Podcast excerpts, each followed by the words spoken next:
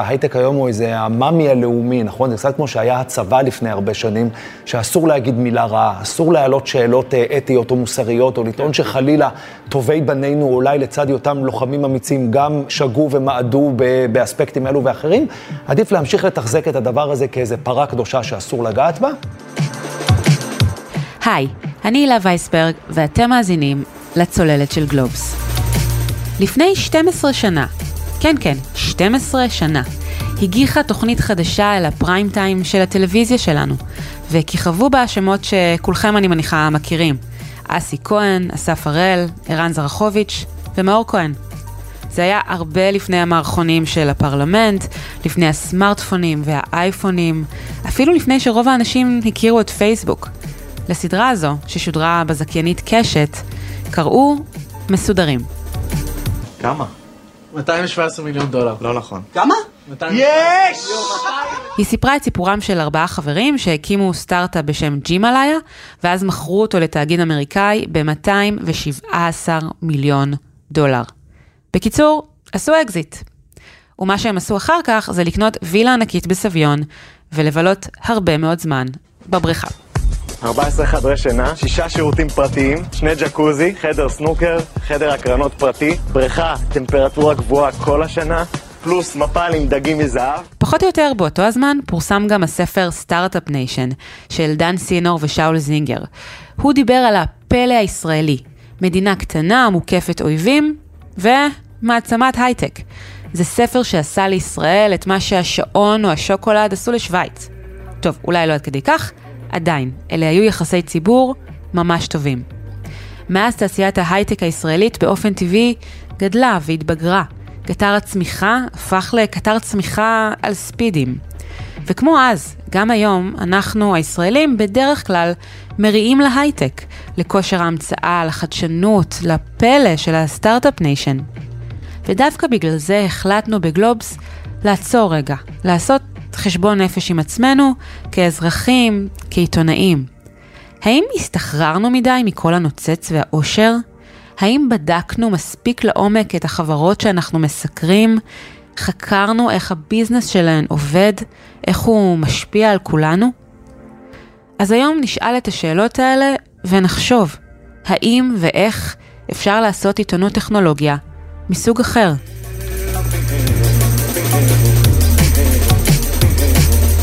שלום אסף גלעד, עורך מדור ההייטק של גלובס. היי התחלנו עם מסודרים, אתה זוכר את הסדרה הזאת? ודאי, אחת הסדרות האהובות. אגב, מסודרים גם uh, מתייחסת למקרה אמיתי, לאקזיט של uh, ICQ, סלש מירביליס, חברה שהייתה באמת. אה, וואלה. Uh, למי שזוכר, חברה שנמכרה ב-1998, uh, ובעצם מבוססת על ארבעת, ארבעת המסודרים המקוריים. אפשר גם לומר, הטיפוסים שמוצגים על המסך הם uh, קצת אפילו מזכירים את הטיפוסים המקוריים, באמת כל אחד הלך לכיוון אחר, היו אנשים שהלכו יותר לכיוון של uh, יזמות, היו אנשים שהלכו mm. יותר לכיוון הקרחניסטי. מה, עם וילה אבל... בסביון וזה, בריכות, מסיבות, ואפילו יותר מזה. בחורות. אבל, אה, אבל בסופו של דבר זה, זה האב טיפוס של האקזיט הישראלי שאנחנו זוכרים אותו עד היום. ארבעה חבר'ה ש, שמקבלים כל אחד uh, כמה עשרות מיליוני דולרים ו, uh, ובבת אחת uh, הופכים למאושרים. מאושרים. כן. אז תגיד, מה השתנה כן. בתעשייה מאז? אז קודם כל אנחנו כבר לא רואים מירביליסים כאלה, אנחנו לא רואים ICQים כאלה ש... שנמכרים ב-217 מיליון דולר, זה כל כך 2018, 2019, זאת אומרת היום אנחנו רואים אם uh, מירביליס או ICQ הייתה קיימת היום. או אפילו אם ווייז הייתה קיימת היום, היא הייתה יוצאת להנפקה ב-10 מיליארד דולר ולא נמכרת במיליארד דולר או ברבע מיליארד דולר לאיזשהו תאגיד אמריקאי.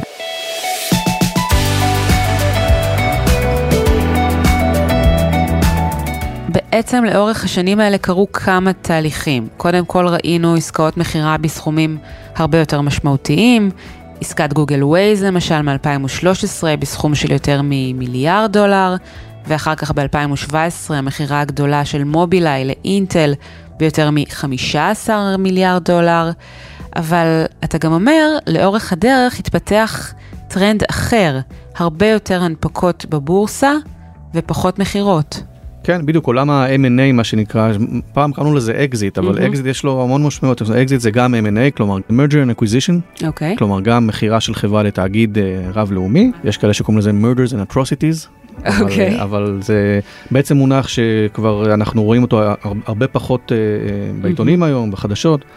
אה, והאקזיט מהסוג השני, שזה בעצם ה-IPO, ההנפקה, מהמם. אה, הוא זה שנותן את הטון היום. הסיבה היא בעצם, כמו שאנחנו בעצם יודעים בתקופה האחרונה, שער ההנפקות בניו יורק, שזה כולל את הנסדק ואת, אה, ואת בורסת ניו יורק, אה, אה, הוא פתוח כבר, כבר בעצם אה, כבר כמעט שנתיים, ועשרות חברות כבר אה, יצאו להנפקה, יש עוד כמובן כאלה שמתחממות על הקווים. חברות ישראליות. חברות ישראליות, אה, זאת אגב תופעה בינלאומית, זה, זה נקודה מעולה, יש המון חברות שמנפיקות, זה לא רק חברות ישראליות, זה, זה, בצרפת ובאנגליה, אה, שמנפיקות כמובן בניו יורק, יש גם ישראליות שמנפיקות גם בבורסות אחרות, לא רק בניו יורק, אבל שם כמובן זה, ה- אה, זה המקום לשאוף אליו. אז תעשיית ההייטק כולה בכל העולם מתפוצצת, ובישראל ביתר שאת.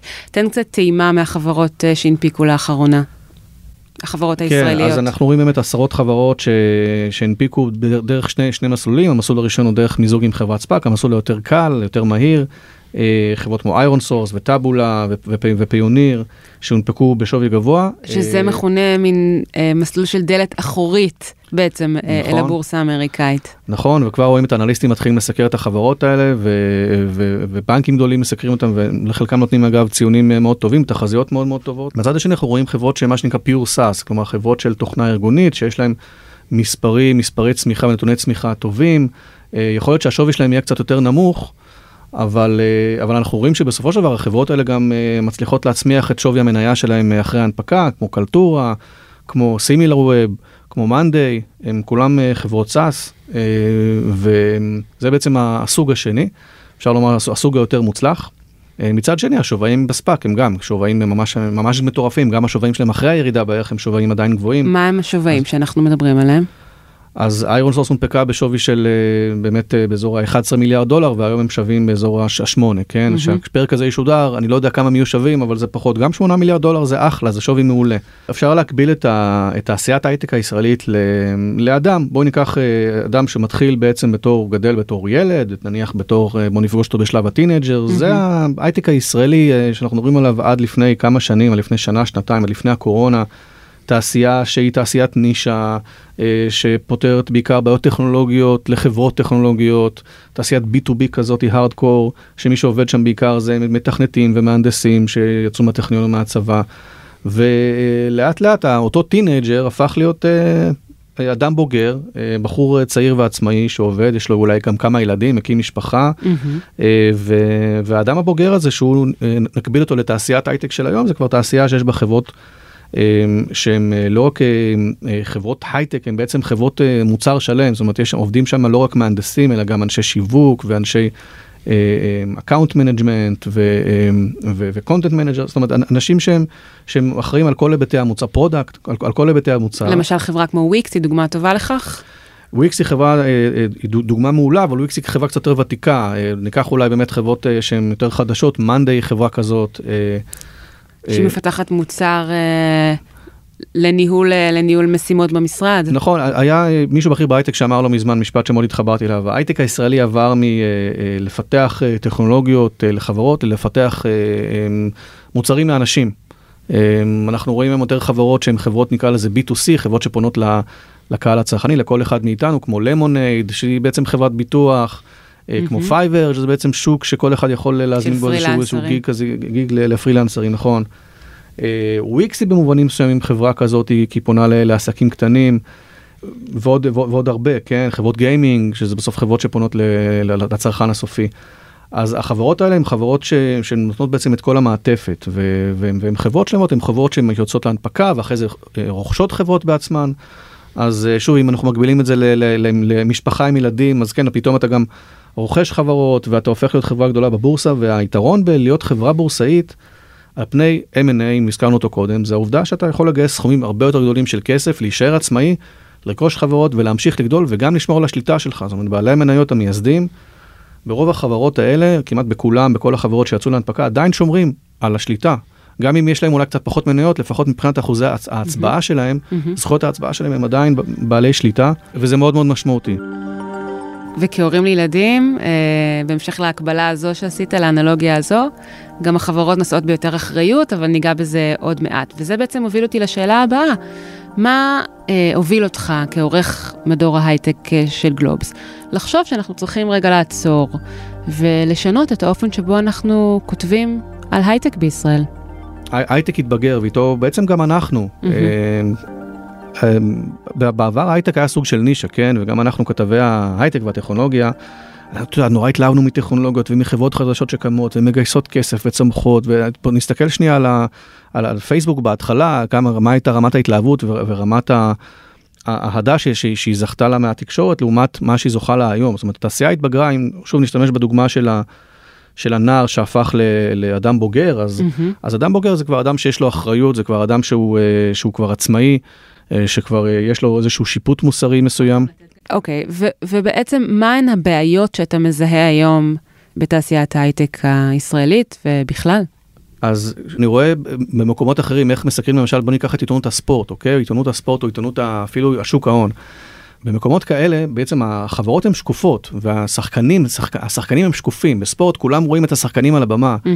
אה, כולם יודעים איזה קבוצה אה, יותר טובה ופחות טובה מבחינת יש לך נתונים על הסיסטים ונתונים על הפאולים. ב- ב- בעולם, בעולם שוק ההון יש לך גם כן נתונים על, על אה, צמיחה ו- ו- וגדילה של חברות, על תחרות.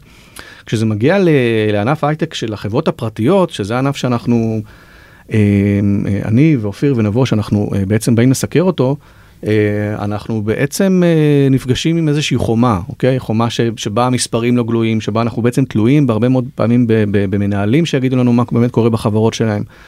יש לאנשים הרבה מאוד אינטרסים, אינטרסים מנוגדים, שלא מהמם. אנחנו לא תמיד מכירים, וזה הרבה יותר קשה לייצר את התמונה המלאה אה, על חברה מסוימת או על שוק מסוים, אבל בסוף זאת האחריות שלנו, ואם אנחנו רוצים אה, לסקר את התעשייה שהתבגרה וגדלה והפכה להיות אה, מה שהיא היום, אנחנו חייבים באמת לפתח את החושים האלה ו... אה, ולהביא לקוראים את, ה- את התמונה הזאת. אה, לכל חברה בסופו של דבר יש איזשהו, אה, איזשהו הקשר, הקשר תחרותי שהיא נמצאת בו, יש לה את ההקשר ההיסטורי שהיא נמצאת בו. יכול להיות שעכשיו היא חברה טובה, והיא פעם הייתה חברה פחות טובה, יכול להיות שהיום היא קצת פחות טובה, והיא עברה איזשהו פיבוט באמצע, זאת אומרת, חברות תמיד יש להן איזשהו סיפור. אתה יודע, אתה ואני דיברנו ממש לא מזמן על החצר האחורית של חדי הקרן.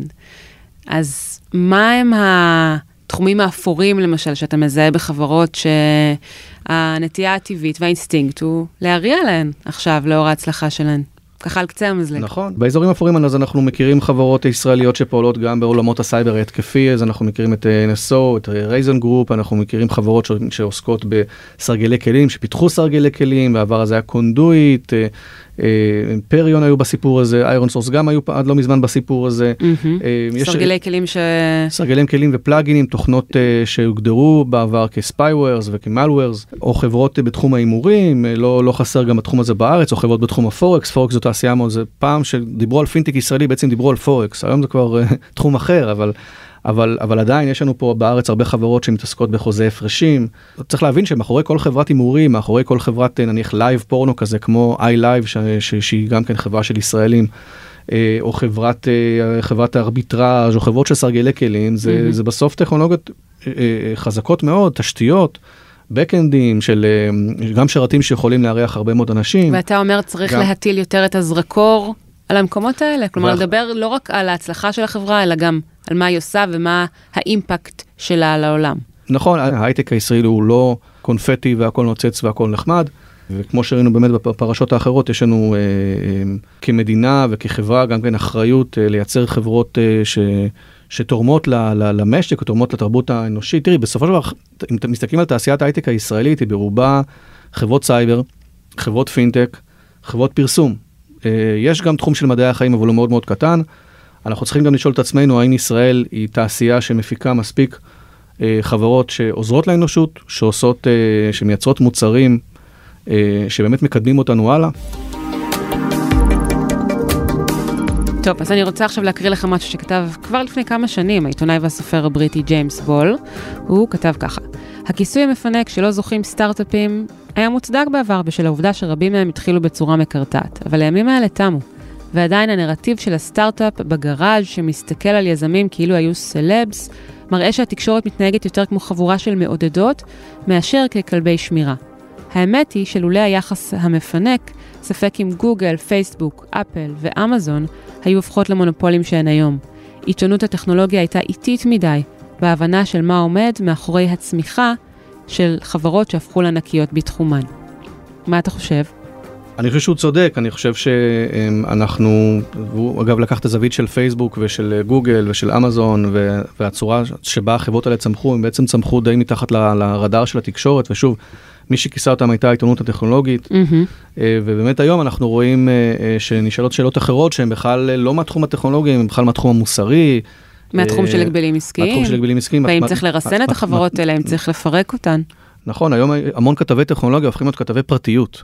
אה, בעולם, בעיתונות העולמית, אה, ואם תסתכלו על ה Wall Street Journal וניו יורק טיימס ווושינגטון פוסט, הן מסתכלות על התעשייה הזאת כמובן בעין הרבה יותר ביקורתית, אבל לא מעולמות הטכנולוגיה. ובעצם אתה אומר, היינו אולי צריכים להתריע בזמן, אבל היינו שבויים מדי בקסם של הסיפור.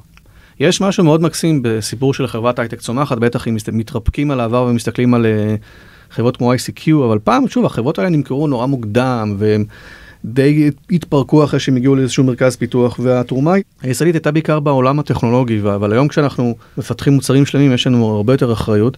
אם ניקח את ה big five האמריקאיות האלה... אנחנו מדברים על גוגל, אפל, פייסבוק, אמזון, מייקרוסופט. זה חברות עם כוח עצום, היום 15 החברות הכי גדולות, אה, הטכנולוגיה הכי גדולות בארצות הברית, יש להם מזומן שהוא ביחד uh, uh, כמו חמישית מהתקציב של ארצות הברית.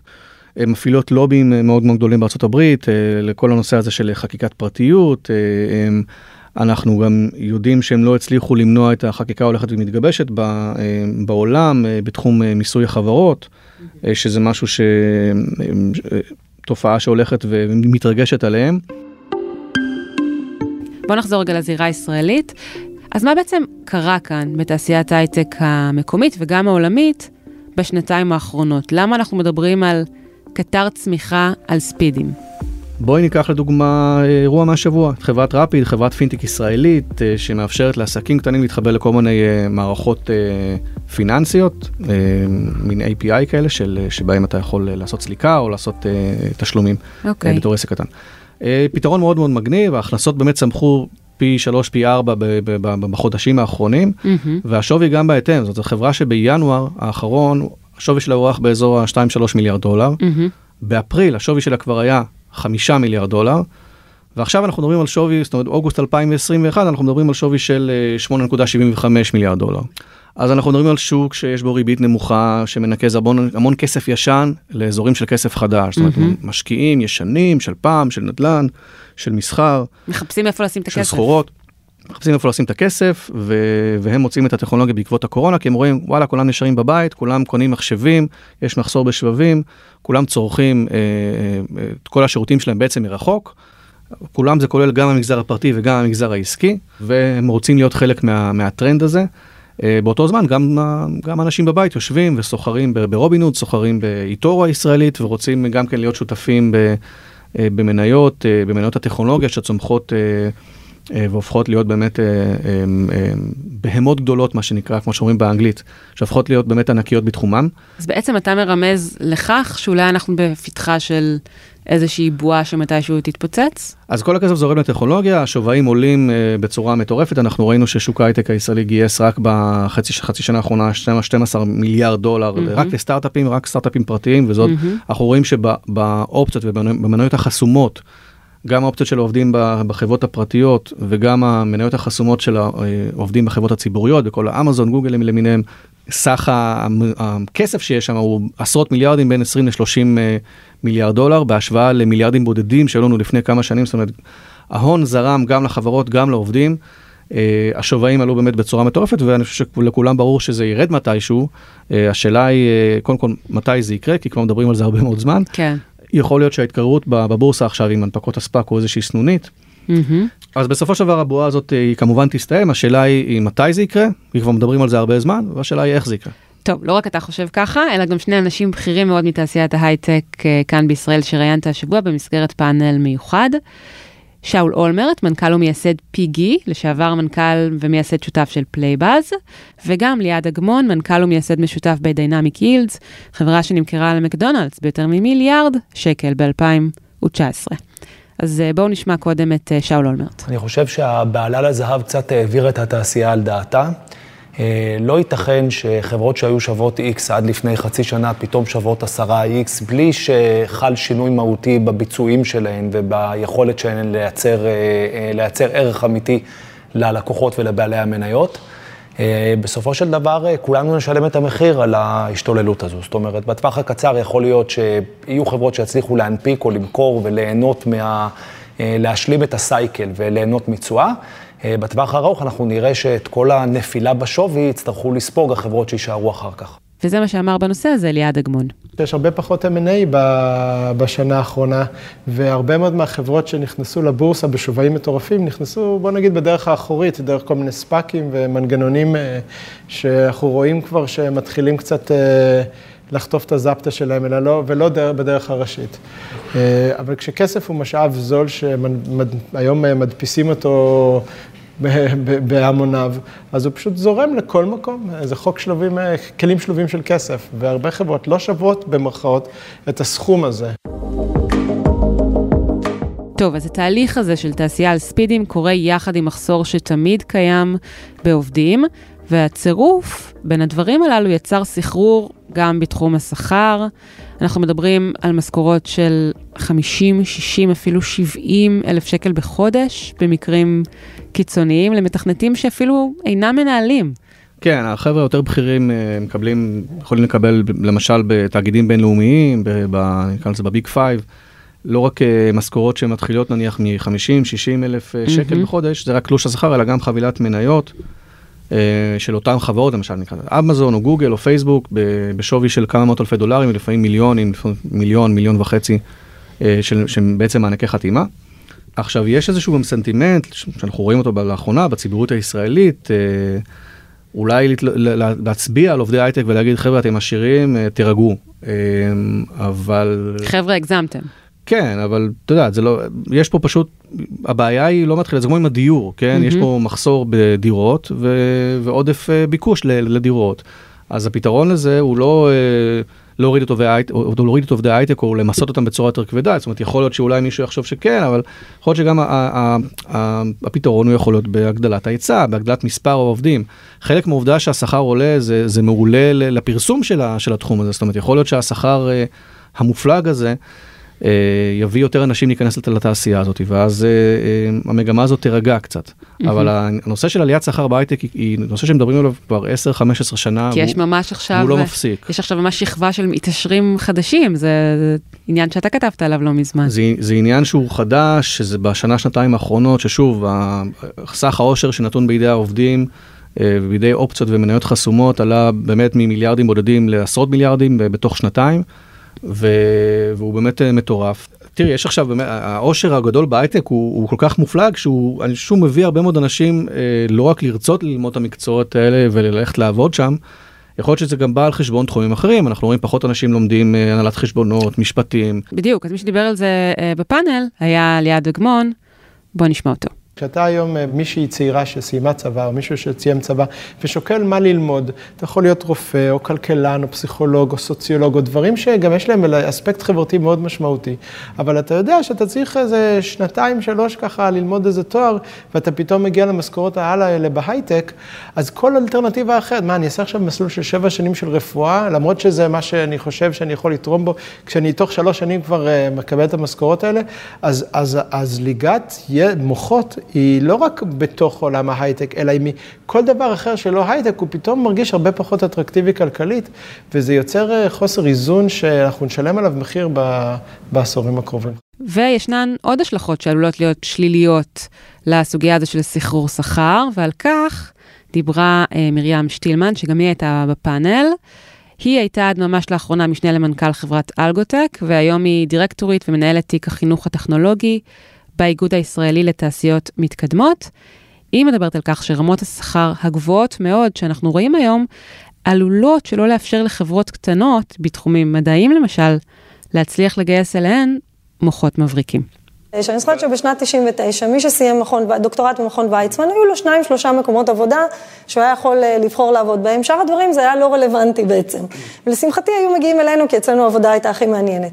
אה, המשחק היום הוא אחר, כל החברות עטות על האנשים האלה, הם בדרך כלל חתומים כבר מהשנה השנייה או השלישית לדוקטורט, הם מחויבים. אין, אין דרך לסטארט-אפ להתחרות בזה. בהקשר הזה של שכר, ליעד אגמון אמר, אין לי ברירה, אלא להעלות את שכר העובדים שלי, כי זה שם המשחק.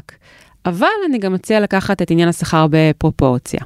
כשאני התחלתי לעבוד בהייטק ב-99, אה, אני קיבלתי משכורת כמתכנת יחסית זוטר אה, של 24,000 שקלים בחודש, ב-99. כשאתה עכשיו מסתכל עם יוקר המחיה והאינפלציה וכולי, אז היום לשלם למתכנת משכורת של 35, 38, 40, זה לא הרבה יותר באופן ריאלי מאשר מה שהרווחנו ב-99, ואני ב-99 לא זוכר שקיטרתי על הדבר הזה. אז גם היום כש, אה, כשאני רואה מה קורה, אני מעלה משכורות לעובדים, כי בסוף אין מה לעשות בהייטק. הדבר, המשאב הכי חשוב שיש לך זה העובדים. אז יש חברות שזה גם עניין של אופי, שהן אוהבות את הנוצץ ואת כל השואו-אוף עם כל מיני מופעי ענק, ויש חברות שיותר מאמינות בהשקעה בעובדים ובגרואות שלהם ובעבודה אחד על אחד, ובדברים יותר, נקרא לזה, שהם, אתה יודע, יש אנשים שנוסעים באיזה אוטו פנסי שעולה מיליון שקל, ויש אנשים שמסתפקים באוטו צנוע.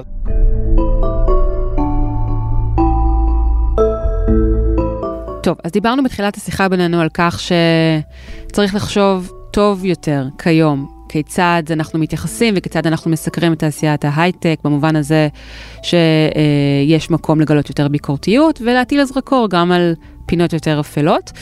ואני חושבת שבאמת הסיפור של חברת הסייבר הישראלית NSO, ממש מהתקופה האחרונה, זו דוגמה טובה למה שאתה אה, מתאר, אסף, לא? בעצם חברה שמשתמשת באמצעי ריגול בעייתיים בחלקם, כולם ידעו מה היא עושה. אבל בישראל בעצם אף אחד לא כתב על זה, לפחות לא בזמן האחרון, והתחקיר הגדול נעשה בידי הגרדיאן והוושינגטון פוסט. NSO היא חברה שקודם כל נחשפה בישראל, אה, בכלכליסט לפני אה, מספר שנים, mm-hmm. אה, אבל היא לא, החשיפה הזאת לא יצרה הרבה מאוד תהודה, וכשדיברתי עם הבחור שחשף את הפרשת עם שי אספריל, mm-hmm. שי אספריל, אה, תחקירן, חשף המון חברות, פיינל, אה, אייליב וכדומה. הוא אמר שעד שאתה לא באמת רואה את, ה, את האפקט, את ההשפעה של החברות האלה, את, את התוצרים mm-hmm. שלהם, קשה לך מאוד לשפוט אותם בצורה מוסרית. למה כולם מתמקדים ב-NSO? זה בגלל שבסופו של דבר הסתבכה קודם כל עם פייסבוק ועם אה, וואטסאפ וכל הקונגלומרט הזה שנמצאים שם עכשיו באיזשהו... אה, אה, מאבק משפטי, זאת אומרת משם, משם זה התחיל ואז זה הגיע לסיטיזן לאב ולמקומות אחרים שהתחילו mm-hmm. לעקוב אחרי החברה הזאתי. אה, ובסופו של דבר אמנסטי ו-Forbidden Stories שהם הארגונים שבסוף אספו את כל החומר על NSO הם הביאו זה הם כבר הם כבר בחרו את, ה, את העיתונים המובילים בעולם והלכו ישר אליהם וושינגטון פוסט וגרדיאן כמובן שהאפקט של חשיפה כזאת הוא הרבה יותר גדול מה היה קורה אם אמנסטי היה מגישה את זה לעיתון ישראלי, כן? NSO זה, זה עוד זווית, עוד פן של, ה, של התעשייה הישראלית שהיא, שהיא באמת הפכה להיות סוג של חזות הכל. היום התעשייה, תעשיית ההייטק הישראלית היא התעשייה, היא הכלכלה. אנחנו כבר לא רואים את זה במנותק מהכלכלה הישראלית, במובנים רבים אנחנו רואים את ההייטק בכל מקום, אנחנו רואים אותו במיסים, אנחנו רואים אותו במחירים במשק, מחירי הנדל"ן, אנחנו רואים אותו בחברה, בתרבות, אפילו בטלוויזיה שלנו, אנחנו רואים אותו בפרטיות שלנו, אה, בצורה שבה אנחנו מגדלים את הילדים שלנו, כלומר האחריות שלנו כעיתונאים להסתכל על חברות כאלה היא אחריות של אה, לא רק עיתונאי הייטק אלא כעיתונאים לכל דבר, ואני חושב שזה ה...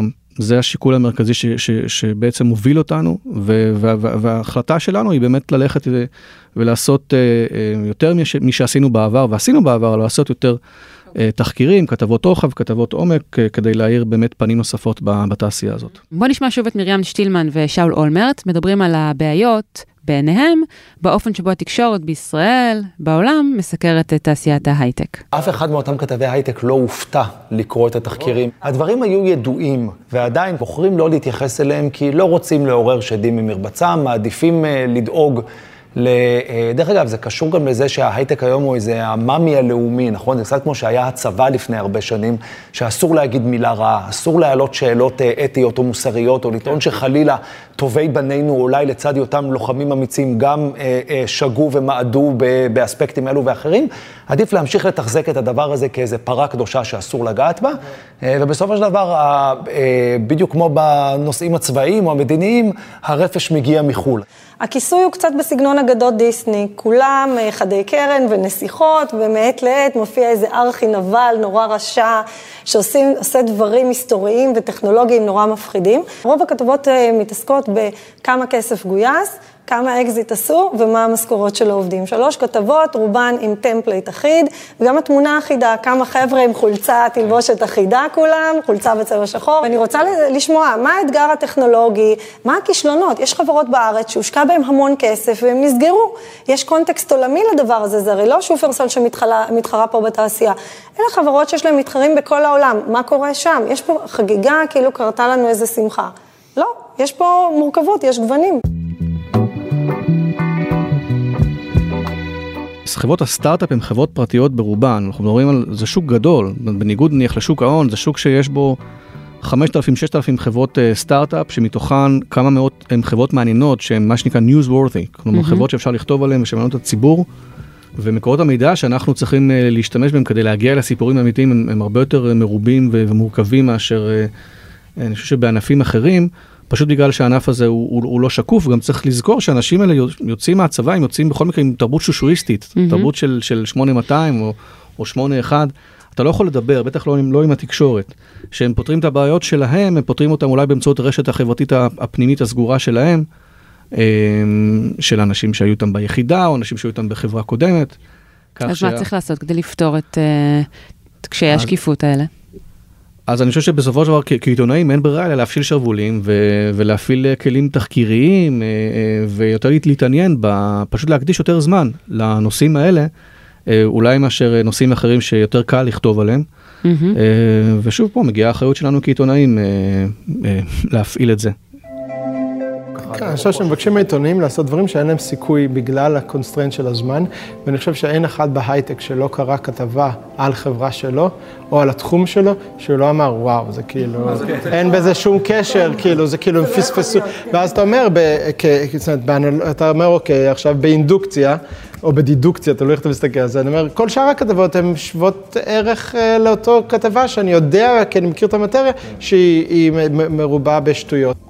אז עכשיו שמענו את ליעד אגמון מדבר על זה שהוא חווה תחושה שעיתונות הטק, גם בישראל, גם בעולם, לפעמים לא מספיק מקצועית, בגלל אילוצי תקציב וזמן. מה אתה חושב על זה?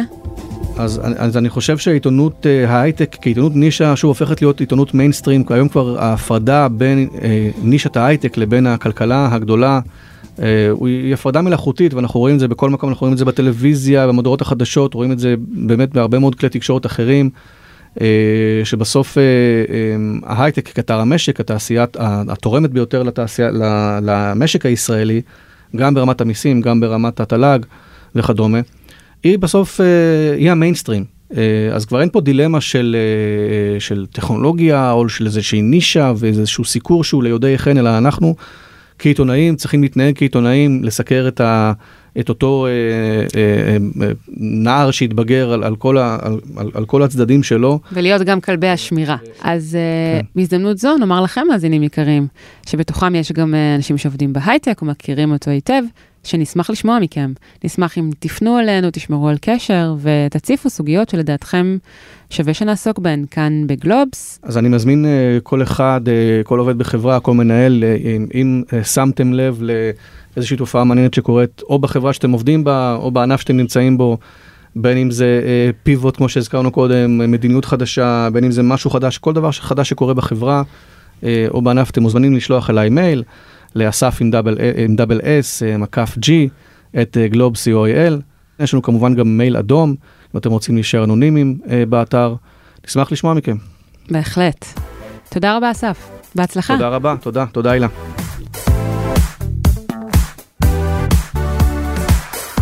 עד כאן עוד פרק של הצוללת. אתם יכולים למצוא אותנו באתר גלובס, בספוטיפיי או בכל אפליקציות פודקאסטים. ונשמח אם תדרגו אותנו גבוה ותשלחו את הפרק לחברה או חבר שעוד לא שמעו עלינו.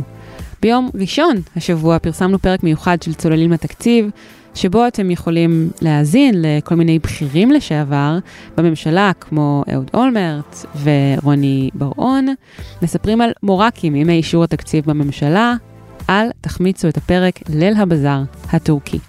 עורך הסאונד הוא ניר לייסט, אני הילה וייסברג, נתראה בפעם הבאה. ביי ביי.